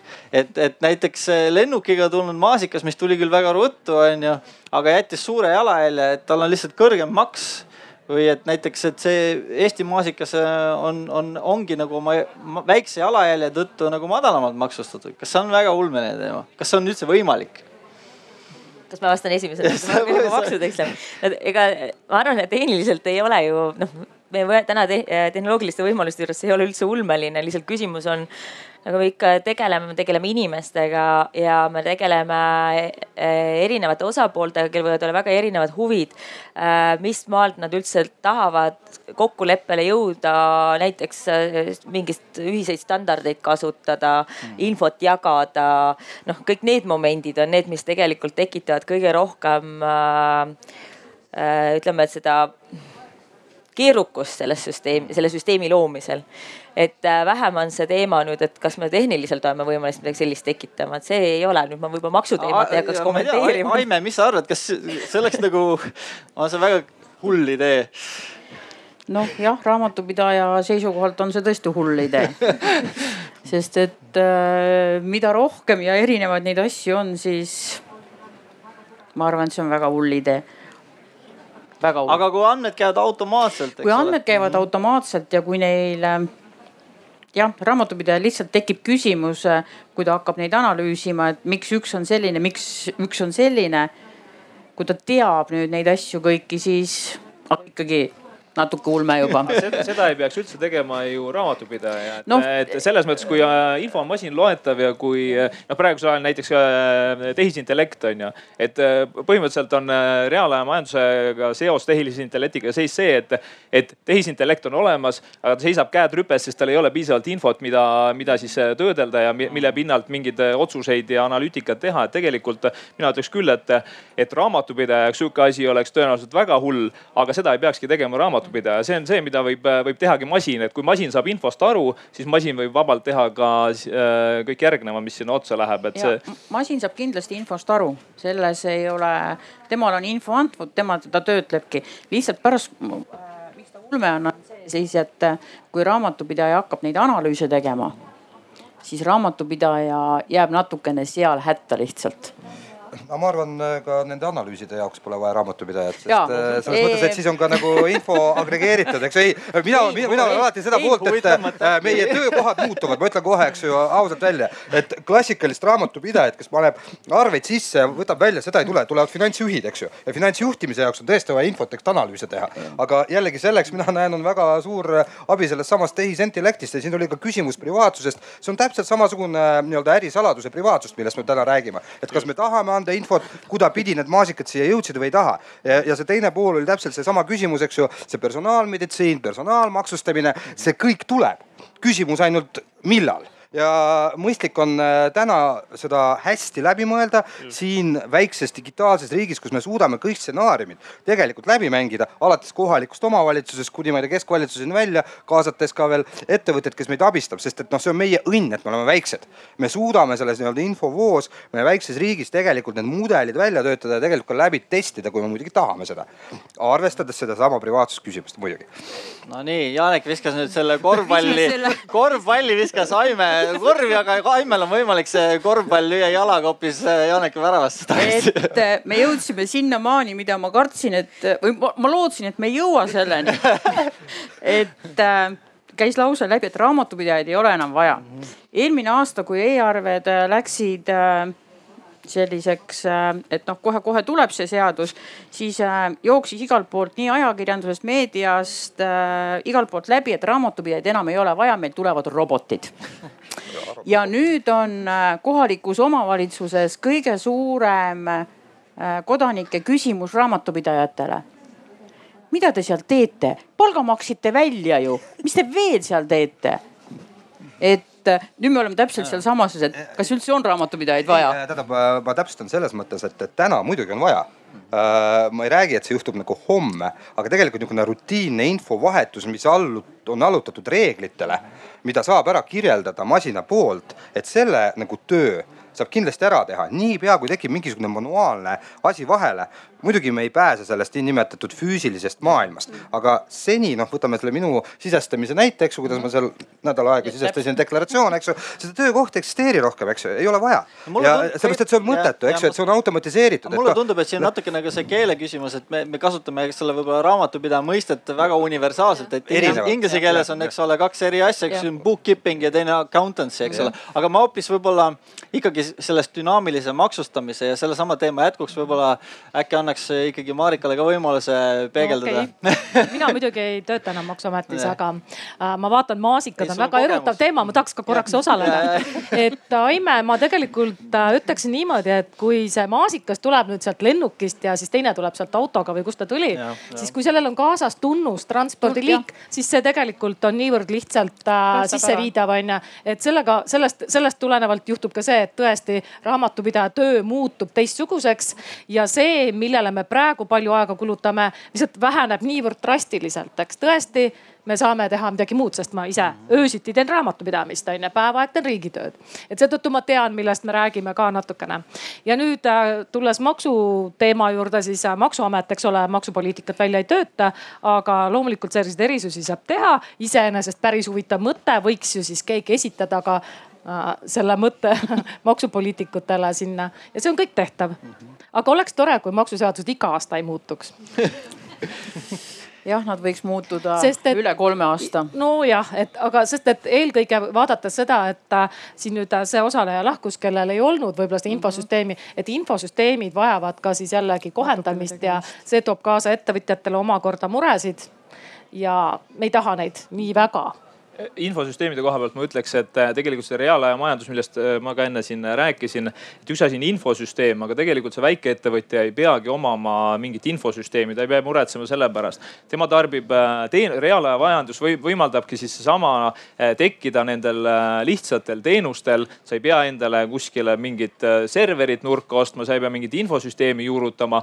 kui reaalaja majanduse kontseptsioon toimib, asjad on piisavalt standardiseeritud, siis on võimalik sinna peale Äh, erasektoril ehitada teenuseid, mis on näha, et, äh, et, et praegusel hetkel no võib-olla nagu ei ole küll äh, väga hea näide, aga näiteks siis äriregistri info vaatamine et on inforegister, neid siis teenusepakkujaid, kust näeb äriregistri infot, on väga palju. see on sihuke väga basic teenus, aga tegelikult sarnaseid teenuseid saab tekkida siis ka, kui, kui selline nagu rohkem väärtuse keskne info saab masinloetavaks ja siis ei ole ettevõttel enam infosüsteemi vaja, siis ta saab äh, valida endale teenuse lihtsalt ja seal see, selle teenuse taustal juba kõik see toimub, äh, mis, äh, millest me siin räägime. riik saab oma aruandluse, siis teine osapool saab oma tellimuse kätte või arve kätte, kogu info on olemas. et, et sellised teenused tulevad, kui reaalaja majandus toimima hakkab, aga, aga praegu me räägime alles reaalaja majanduse sellistest elementaarsetest ehituskividest, mis on vaja paika saada, nagu see e-arvegi. et kui meil ei ole nagu mingi info endiselt liigub kuskil PDF-is või paberil, noh siis, siis keegi ei hakka, ütleme, et, et siin oli juttu ka see, et PDF ei ole masinloetav. jah, ta on masinloetav selles mõttes küll, aga see on nagu ääretult ebakvaliteetne info ja ääretult suur vaev, kuidas seda PDF-i masinloetavaks teha, et isegi ei pea manuaalselt trükkima. aga kui äh, info on sada protsenti masinloetav, ma ei räägi PDF-ist ja, ja paberist, siis on võimalik, et, äh, et hakkavad teenused ka väikeettevõtjale taskukohased teenused tekkima kus saab siis muretult oma, oma siis äh, ettevõtte majandamise ära majandada niimoodi, et ei pea pead vaevama ei infosüsteemide, ei aruannete ega, ega millegi muuga. no see ongi hea koht, kus tegelikult järgmisesse teema, viimase, tegelikult meie viimasesse kolmandasse teemaplokki üldse üle minna. ma annakski, sul oli näpp püsti ka, et ma annakski sulle sõna, et vot siin oli see küsimus, eks ole, et, et äh, nendest teenustest, mida siis ütleme, väikeettevõtjad saavad tarbida, aga tegelikult on, äh, asi ei ole ainult nendes teenustes. asi on ka selles, et riik tahab mingisuguseid andmeid kogu aeg saada küsitakse sult statistikat ja saadetakse mingeid küsimustikke, mida sa pead ikkagi nagu äh, põhimõtteliselt käsitsi täitma. et äh, noh, kus see, kus, kas siin on ka nagu ikkagi see kasutuslugu täitsa olemas ja kus on võimalik äh, automatiseerida kogu seda aruandlust ka ütleme mm -hmm. riigi, riigi poolt seatud kohustuste täitmiseks mm? -hmm. et ikka on, aga ma korraks veel seda Kaido seda nagu mõtet täiendan oma mõttega, et, et selleks, et neid teenuseid tarbida, sa pead kusagil digiruumis nagu ikkagi seot-, noh käima või, või olema onju. et kui mure on, et, et ma kasutan Excelit, et kuidas mina nüüd edasi saan, siis vastus on see, et ilmselt sa mingisse digiruumi ikkagi liikuma pead. seda ei nimetata sinu enda infosüsteemiks, tal on mingi muu vorm võib-olla, aga sa nii-öelda digi, digi, digiruumi pead ikka kasutama. aga mm, selleks, et riigi poolt noh, mina esindan siis hetkel statistikaametit. statistikaamet veab äh, aruandlus kolm nulli teemat, mille eesmärgiks on siis äh, Eesti Panga, maksuameti ja statistikaameti koostöös äh, vähendada andmeesitajate andme and,, andmeesitajate koormust siis andmete esitamisel. ja siinkohal ma ütleksin niimoodi, et see, mida me halduskoormuseks peame, on asutuste lõikes erinev et Äh, kui maksuametile saab väga lihtsalt faile üles laadida, siis äh, statistikaametile see päris just nii ei ole. tõesti ongi küsimustikud, pead minema kuhugi e-keskkonda ja täitma. ja selle täitmise juures võib-olla on ka probleemiks hoopis see, et äh, ega nende kõikide väljade täitmiseks ei ole sul infot enda infosüsteemis olemas, isegi kui sa kasutad seda infosüsteemi. ja sa pead natukene vaeva nägema, et neid välju täita ja seetõttu selle kogu selle aruandluse teema harutamisel ongi eesmärgiks kõigepealt äh, me käisime läbi palga ja tööjõu andmete äh, teema, kus me vaatasime andmeväljade tasemel läbi kõik kõik andmed, mida kuhugi esitatakse ja, ja vaatasime, mida neist ära saaks jätta. ja peamine loogika, milles, milles me liigume, on tegelikult see, et selliste vastuste esitamise asemel liigume me algandmete kogumisele. ehk esitage meile tehete üksikud os osad, me arvutame vastuse ise välja. hetkel pidi ettevõtja veel ka arvutama seal midagi. et tegelikult eesmärgiks on saada need erinevad osad, sest neid erinevates kombinatsioonides taaskasutades me saamegi oluliselt vähendada ka halduskoormust eesmärgiks on loomulikult jõuda kõigi aruannete või andmesettide esitamiseni automaatselt. ehk et kui need on teie kusagil digikeskkonnas olemas, teie olete äh, sellega, selle andmeseti esitamise kohustusega, siis palun andke oma infosüsteemile luba esitada need automaatselt sinna sellele riigiasutusele, kuhu teil vaja on. et ei pea ilmtingimata sisse logima ja kuhugi mingit faili laadima, et eesmärgiks on tegelikult see väga lihtne ja maalähedane unistus. ja tegelikult realiseerumas ikkagi päris äh, lähiaastatel. et palga ja töö osas on statistikaamet valmis juba praegu masinliidesega andmeid vastu võtma. ei ole väga palju infosüsteeme, kes on jõudnud selle lõpuni teha äh, üks äh, esimene andmesett esitati siin kolm-neli kuud tagasi, mis tuli siis masinliidesega ja tuli juba sellise standardiseeritud oh. vormis, mida Kaido siin ütles. XBRL GL on ju uus äh, standard, et ähm, tegelikult see kõik juba juhtubki ja te kõik tegelikult hakkate selles osalema nii märkamatult ja see tuleb nii loomulikult, et äh, ma ütleks niimoodi, et riigile andmete esitamine on peatselt päris imelihtne nii ma ja vahepeal korraks lihtsalt meeldetuletuseks, et äh, meil on ka üks küsimus publikule, et äh, kui lähete menti.com ja panete sisse selle numbri, mis siin all kirjas on, siis saate vastata ka ühele lihtsale küsimusele, mida me üritame siis äh, päris meie arutelu lõpus korra läbi vaadata, et et siin mõned, neli küsimust on või noh, neli sellist fakti on lihtsalt mainitud juba, et pärast vaatame nendele ka otsa korra. et nii, Kaido, sul oli ka veel jah, ma tahtsin äh, Marikale kaasa kiita just selle koha pealt, et äh, see algandmed, alginfo, et tegelikult see ongi, et, et nagu Marika rääkis, et riik hakkab ka siis, äh, et varem, kui varasemalt oli see, et samade andmete siis pinnalt tuli koostada ettevõtjal erinevaid aruandeid või raporteid, siis tegelikult reaalajamajanduse üks nii-öelda selline äh, kontseptsiooni osa ongi see, et juba sellest algallikast saada kätte need algandmed ja siis äh, kas riik või, või teine osapool, kes iganes on õigus neid äh, andmeid äh, näha ja nendega midagi teha, siis genereerib ja, ja kalkuleerib, arvutab selle pinnalt äh, kõik juba ise, et, et täpselt, et, et kui me saame nagu selle paika, et alg või siis algallikast tuleb see info ühe korra välja liigub kõigile osapooltele, kes, kellel on õigus ja vajadus seda siis äh, näha. Ja nemad siis juba manageerivad sellega edasi, et see nagu info tekitaja või väljasaatja ei pea äh, sedasama infot mitmed korrad kuskile aruandesse sisestama või selle pinnalt mingeid kalkulatsioone tegema, et see, see algallikast alginfo kättesaamine ja, ja ühe korra on, on üks märksõna, mis, mis reaalaja majanduses tuleb ka toimima saada, et, et aga suund on sinna ja see, see juba nii-öelda on, on tugevad sammud selles osas äh, tehtud ja, ja liigub edasi no Marika rääkis siin mingisugusest, eks ole, info, inforuumi või noh, ütleme infosüsteemidest või keskkonnast, eks ole, kus see peaks käima. sina räägid algandmetest ja eks ole lähteandmetest ja mingitest sellistest asjadest, et no ütleme noh, lihtsa inimese jaoks on see totaalne matriks on ju. tegelikult on et... see seesama äh, andmestik, mis tuleb arvega sulle raamatupidamis e, e-arvega, ma loodan, onju. tuleb sulle sinu raamatupidamisprogrammi, sa kinnitad ära klõpsuga, jah, see arve on minu oma ja see andmed on juba olemas ja see infosüsteem ongi see, see digiruum ongi see okay.. tegelikult aga, väga. aga võib-olla Janek, kuna sina oled kokku puutunud nende digiruumidega, X-teedega, Matrixiga ja kõige muuga, eks. et, et võib-olla sa äkki nagu aitad äh, minul ja publikul võib-olla aru saada, et äh, kas asi, kas see üldse on nagu tehtav või kas see on üldse nagu, kas siin on mingisugune asi, äh, mida ka nagu üle piiri võib-olla teistele riikidele sellise hea praktikana pakkuda, sest et eh, noh, ka jälle uuesti tuletades meelde, meelde eilset äh, arutelu, seal oli ka küsimus selles, et et eh, kas üks, üks inimene suudab mõjutada oma käitumisega, eks ole, kogu maailma kliimat, eks ole, näiteks või kas üks väike riik nagu Eesti äh, saab mingisugust äh, sellist head praktikat üldse, et, et mis, mis me tegema peaks, mis riik, ütleme, tegema peaks? ei no vaata, siin on mitu kihti, et äh, kuna tõesti me elasime niisuguses eelmises eeras, kus äh, me pidime ise interpreteerima neid samu andmeid, mis meil oli, eks ju, läbi erinevate keskkondade, mis on loodud. see on minu meelest äh, noh, niisugune mõttetu töö, mis on tehtud, sest on neid igasuguseid keskkondi on ehitatud päris palju ja tegelikult ka riigi poolt, erasektori poolt ja inimesed ausalt öeldes upuvad ära nendes, eks ju. et noh, mina olen alati seda meelt, et Äh, siin peaks tekkima mingisugune uus äh, niisugune koostöökiht, äh, leppimaks kohtu, kus on see sisenemispunkt.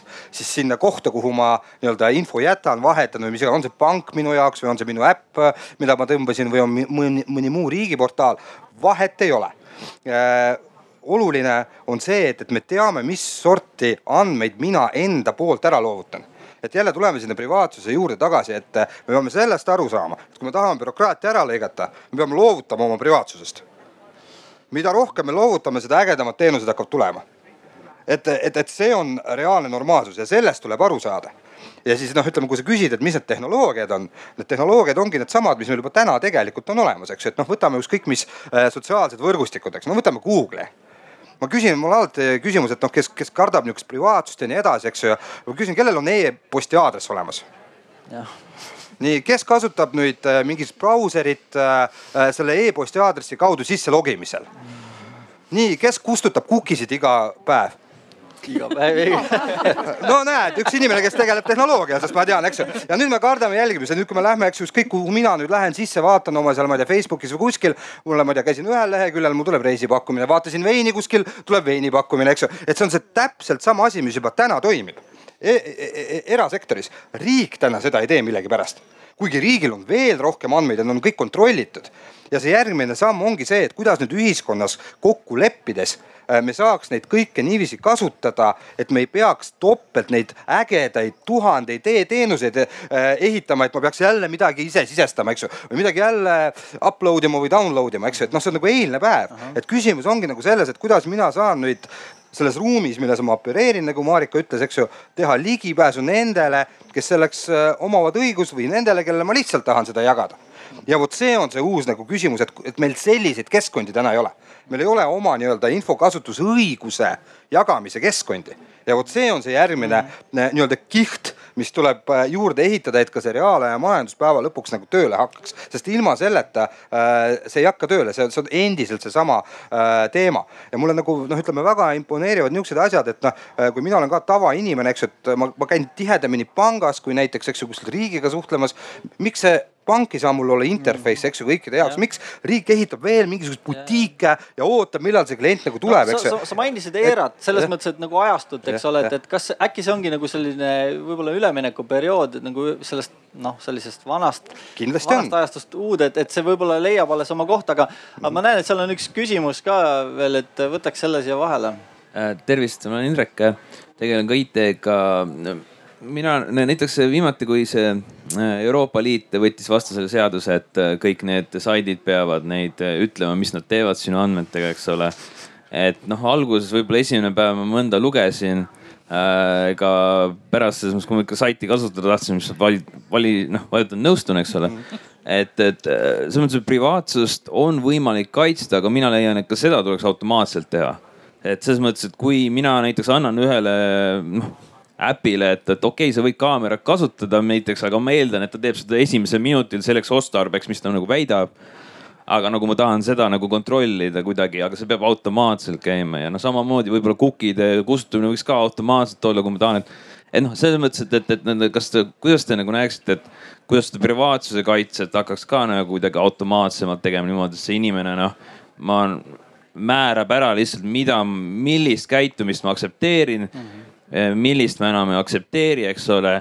ja kui hakkab midagi toimuma Eh, mis mulle ei aktsepteeri, siis tuleb kohe nagu punane tuli näiteks. see on hea küsimus, sellepärast et see on, väga... see on, see on selles mõttes hea küsimus, et, et kas see on tühi töö et eh, ma puutun selle tühi tööga kokku igapäevaselt, eks ole, kus ma tahan lugeda võib-olla mingit huvitavat artiklit, muuhulgas ka reaalaja majanduse kohta, eks ole, siis mul tuleb seal mingisugune kolm eh, küsimust on ju, et kas sa tahad, eks ole, et su andmeid kogutakse, kas tahad küpsitada ja nii edasi tõesti, see on ka tühi töö on ju, see on sihuke igapäevane. ma tahangi sinna jõuda, et, et me unustame seda täna, et, et ka see privaatsusteenus on teenus mm. -hmm. ja ta peab täpselt samamoodi nagu me räägime ka taustal toimima läbi selle, et jah, kuskil ma pean endale seadistama oma siis selle niinimetatud, kuidas ma ütlen äh,, sügavussekkumispiiri. et noh, üle mille mina ei taha astuda, eks ju. ja siis, kui ma olen ühe korra selle profiili kuhugi World Wide Webi visanud, eks ju, et siis tegelikult mulle oleks kohe valitud kõik need teenused, mis selle vastu töötavad. kõik, mis ei tööta, ma ei taha. ja ütleme noh, ütleme see tuleviku asi suure tõenäosusega selline hakkabki olema, kui me päriselt hakkame nii-öelda oma andmetega majandama täna me oleme kaup ju kõik igal pool, eks ju mm -hmm.. noh, lihtsalt veel, kui keegi ei tea, siis noh, kõik, mis on tasuta, siis tähendab, teie olete kaup. et äh, seda tuleb ka nagu noh, niiviisi meeles pidada, siis teie andmeid, eks ju, pärast edasi müüakse. ja me pole ka seda veel täna saavutanud, me ei tunne, et need on kõik meie andmed.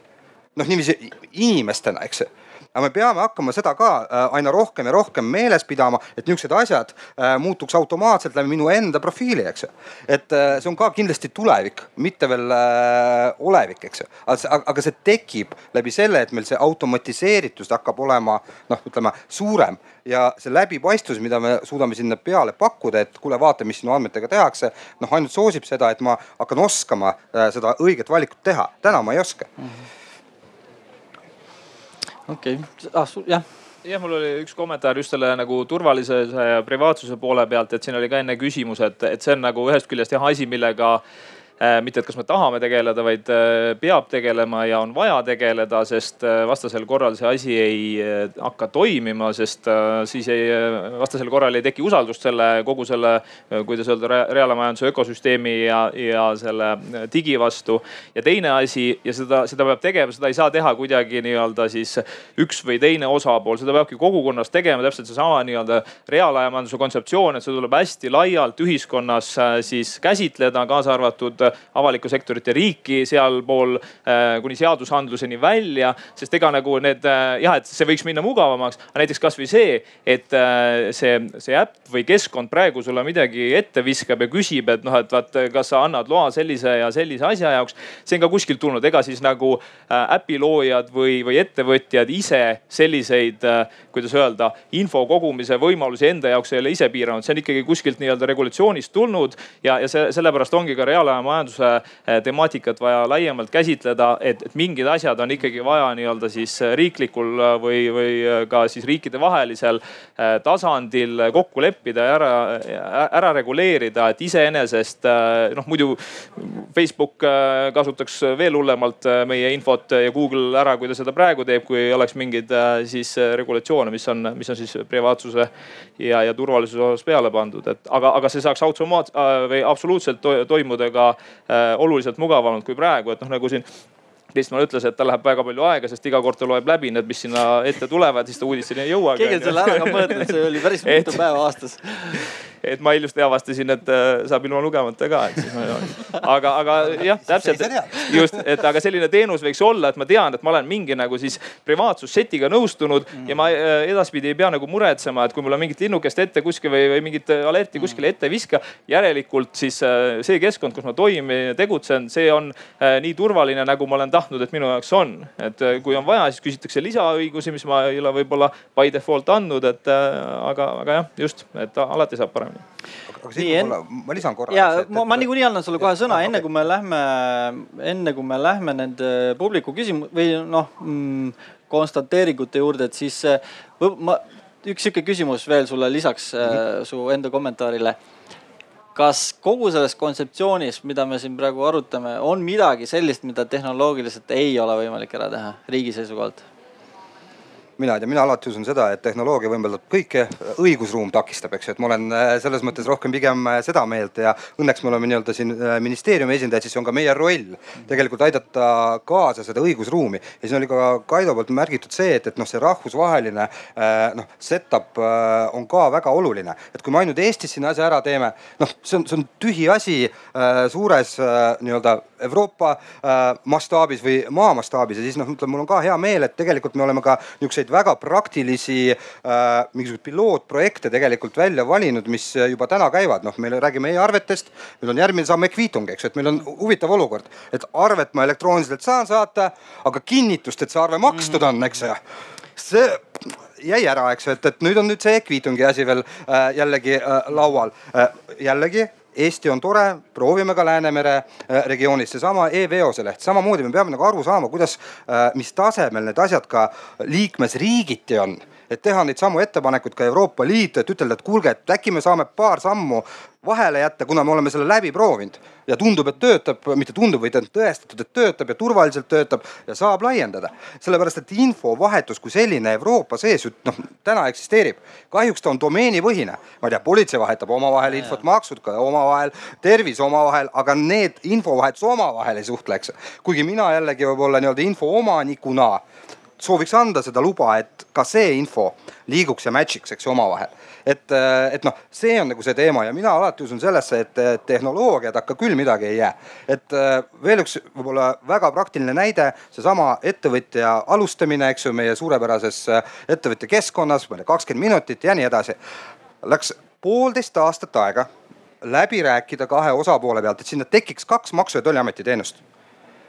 käibemaksukohuslase numbri andmine ja töötaja registreerimine tehti nädalaga ära aga jällegi kokkulepped, õigusruum, kuidas ikka teeme ja kas ikka saame.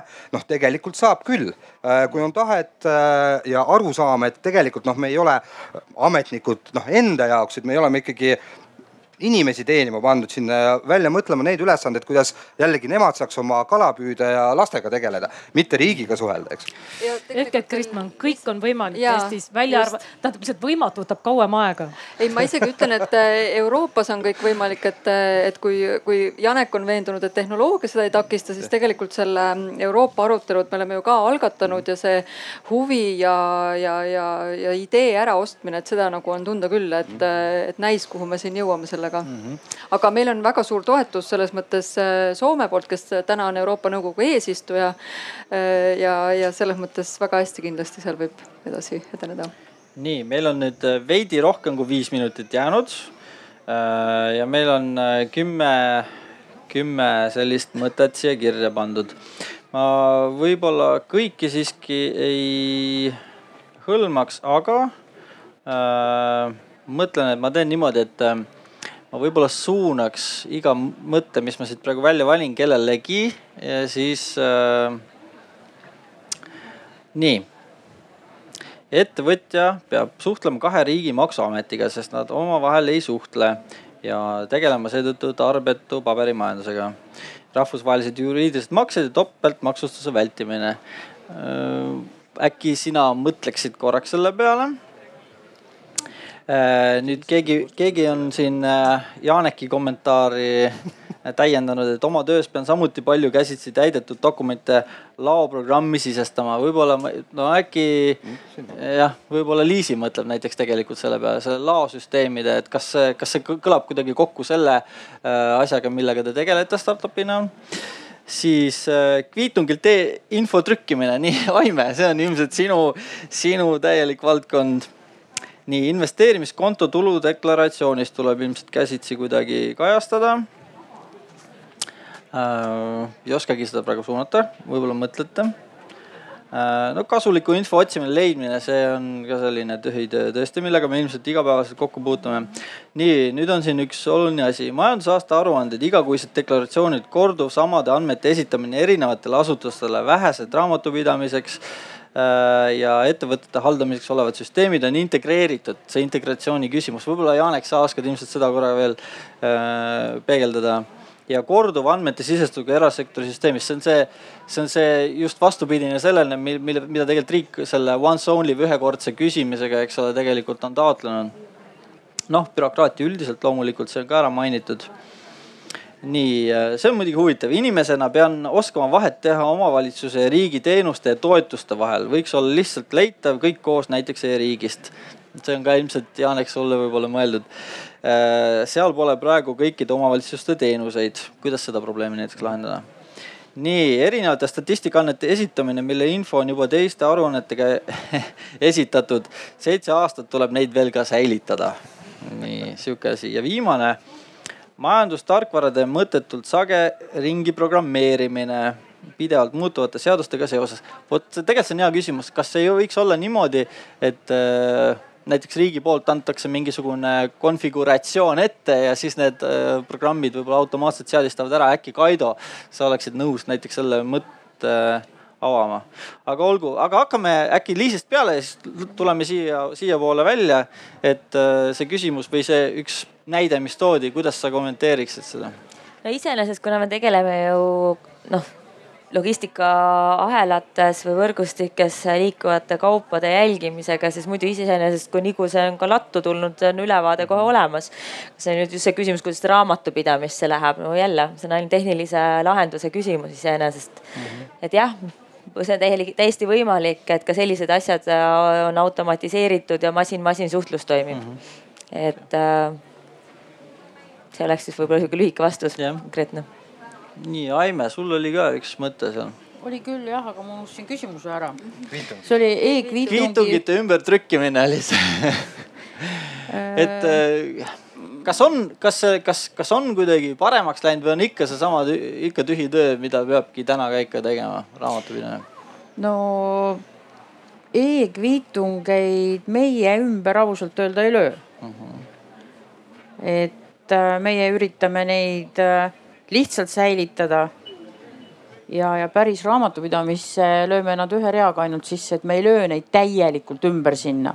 aga ma kogu südamest loodan, et see programm, mida riik alustas e-kviitungi näol umbes neli aastat tagasi ja mis äh, praegu vist on uuesti nagu käiku läinud, et see siiski natuke kiiremini ära tehakse, kui e-arved tehti.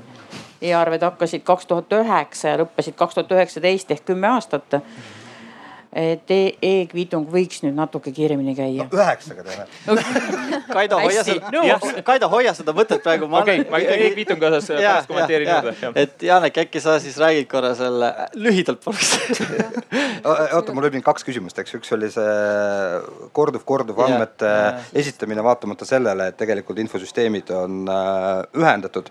jah, see on probleem, aga see ongi täpselt see, millest see niinimetatud aruandlus kolm null äh, noh ellu ongi kutsutud, et äh, minna sinna nii-öelda nende algandmeteni ja kui see on esitatud, siis integratsiooni äh, kaudu see info saab olema vahetatud mm. -hmm. see on nüüd teine küsimus, mis puudutas kohalike omavalitsust äh, ja keskvalitsuse nii-öelda info lahusust mm. -hmm. tõesti on probleeme ja mul on selles mõttes hea meel, et äh, me siin aasta algusest alustasime ühte nihukest pilootprojekti või disainprogrammi, mida me nimetame viisteist sündmusteenust et äh, võtaks ja disainiks ära sünnist surmani mm -hmm. kõige enam juhtuvad teenused meie elus just läbi selle, et noh, mina elan elu ja kõik see bürokraatia, mis sellega on seotud, toimuks mul niiviisi taustal, eks ju mm. -hmm. ja veel e ennetavalt ja proaktiivselt.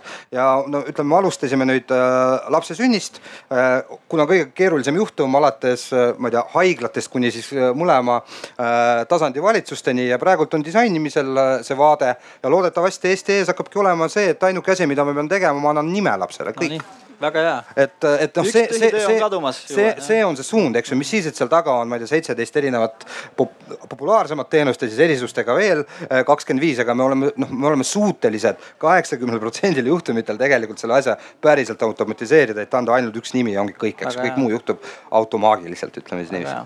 Kaido? Äh, jah, äh, ma üritan ka kiiresti kokku võtta, sest ma saan aru, et täna rohkem sõna ei anta, ja see on nüüd hea lõppsõna. et, et see, selle jätkuks äh, ja mul on siin e-kviitungil on ka kiire kommentaar, aga selle jätkuks see, see ongi nagu minu arust nagu see, et, et reaalaja majandus võimaldab, kui sul on, kui mingil osa, on see ettevõte või kodanik, kui sul on riigi ees mingi kohustus või millegi suhtes õigus, on see lapsetoetus või mis iganes, siis, siis ma ei, mina kodanikuna või ettevõttena ei peaks selleks tegelikult midagi tegema. kui mul on õigus saada, siis ettevõte või see riik teab minu kohta infot ja kui mul on õigus saada, siis, äh, siis mulle antakse see ja kui mul on kohustus millekski mingeid andmeid esitada, siis ma olen andnud loa ja see võetakse niimoodi, et ma ei pea selleks midagi tegema, et see ongi see sündmusteenuse teema ja, ja e-kviitungile kiirelt siis, äh, et loodetavasti läheb kiiremini minu arust see on väga hea näide, ma olen selle e-kviitungi äh, töörühmaga ka mõneti kokku puutunud, on tegelikult see, et lahendus on olemas aga seda ei kasutata, sest seal on, ongi osapoolte hirm on üks asi, võib-olla teavitustöö ja seal küsimused. aga teine on see, et äh, kaupmehed ei taha infot välja anda, kui see on elektroonselt masinloetavalt, siis on võimalik äh, täpselt needsamad teenused äh,, tekivad kolmanda osapoole teenused, kes võib-olla hakkab äh, tarbija jaoks võrdlema, et kus on soodne, kus sul on mõistlikum käia, mis on sinu tarbimisharjumused.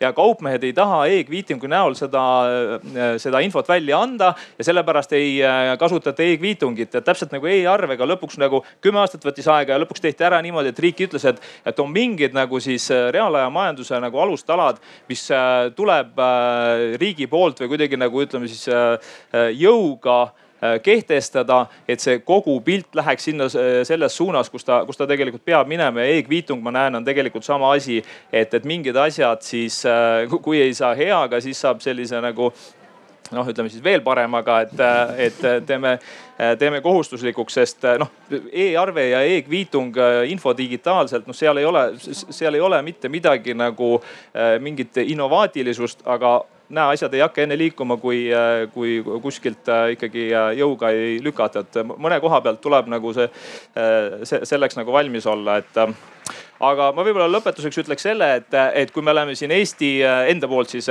et Eesti, et äh, digitaliseerume ja digitaliseerime, et siis äh, minu arust järgmine eesmärk võiks olla digivabadus. et ongi see, et, et nagu Janek siin rääkis, et inimesed saavad tegeleda enda igapäevaäriga, enda igapäevaeluga ja kõik see digi mis saab toimuda taustal, toimub ikkagi taustal, et ei pea sinna mingit tühitööd juurde tegema, et. Maarik. minu poolt, aitäh um, ma, mina kui Statistikaameti esindaja tahaksin kinnitada seda veel, et andmete korduva esitamise juures, et äh, me teeme igapäevaselt tööd, et leida alternatiivseid andmeallikaid ehk et ettevõtjalt ei peaks üldse neid andmeid küsima ja saaks sellest vabastada ja võtta need andmed kuidagi muud moodi tuletada. ja järjest rohkem kasutada ka loomulikult riiklikke registreid, aga seal on andmekvaliteet võib-olla mõne, mõnikord natukene kehvem kui otse ettevõtja käest saada. ehk et andmete esitamise koormusega tegeletakse igapäevaselt ka praegu. nüüd see, mis puudutab maksuametite info vahetamist, siis äh, no siin tuleb arvesse võtta ka seda, et kõik ei ole, kõik Euroopa riigid ei ole Eestid, eks. Neil on ju erinevad arenemisjärgud on ju ja, ja kõik ei ole valmis kohe niimoodi infot vahetama. küll ma tean, et Soome on tubli ja, ja juba läbi X-tee tahavad infot vahetada. kas see nüüd väl, välistab täielikult topelt, topeltmaksustamise juba tehingu tegemise hetkel, ma ei saa kinnitada. aga sinnapoole vähemalt liigutakse, et maksuametid vahetavad ka äh, infot, siis eelkõige ma pean silmas Soomet, et kindlasti teiste selliste edumeelsete riikidega on sellised tegevused ka algamas, aga lihtsalt kõik ei ole eestlased, need ülejäänud seal. ja ma, ma just tahtsingi öelda, et, et kuna, kuna sulle konkreetset küsimust ei tulnud, siis äh, sa saad, eks ole, oma, oma mõtte ära öelda, aga mul on üks küsimus ikkagi omalt poolt sulle. et äh,, et kas, kas peakski riigi viima täiesti taustale et inimesed ja ettevõtjad saakski tegeleda ainult oma asjadega ja see puutepunkt, mis riigiga seoses peaks olema, ongi täiesti taustal. ja mis võib-olla on äh, selle tänase paneeli arutelu see take away sinu jaoks? Äh, see küsimus, sellele on väga lihtne vastus, jah, riik peaks toimima taustal. Äh, inimene peaks elama oma elu ja ettevõtja peaks arendama oma äri ja teenima kasumit aga take away on võib-olla meile see, et äh, majandusministeerium kui selle teema nii-öelda eest vastutaja, et oluline on see, et, et, et ka kõik ametiasutused ei mõtle nii, nagu siin täna võib-olla statistikaameti esindaja või, või teised esindajad, et me peame seda mindset'i või seda mõttemaailma muutma, muutma nii avalikus sektoris kui ka siis erasektoris.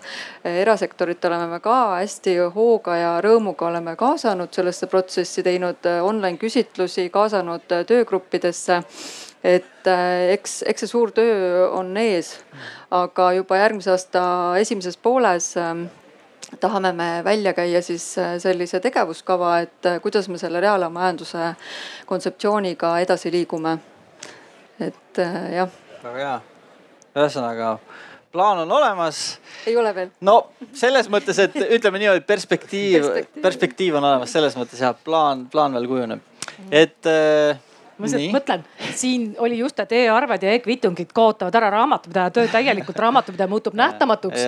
kui riik muutub ka nähtamatuks, lihtsalt küsimus. Lihtsalt küsimus, jätamegi selle küsimuseks, et äh, ma arvan, et äh, ma loodan, et teil oli huvitav kuulata, mõelge kaasa, jätke meelde sõna reaalaja majandus. kes tunneb selle teema vastu natuke rohkem huvi, siis seal, äh, seal tumba peal on ka mõned infolehed lihtsalt selle kohta, kui teid huvitab, siis võtke kaasa. ja ma arvan, et äh, saadame oma panelistid siit järgmistele aruteludele siin või seal ühe sooja aplausiga. aitäh.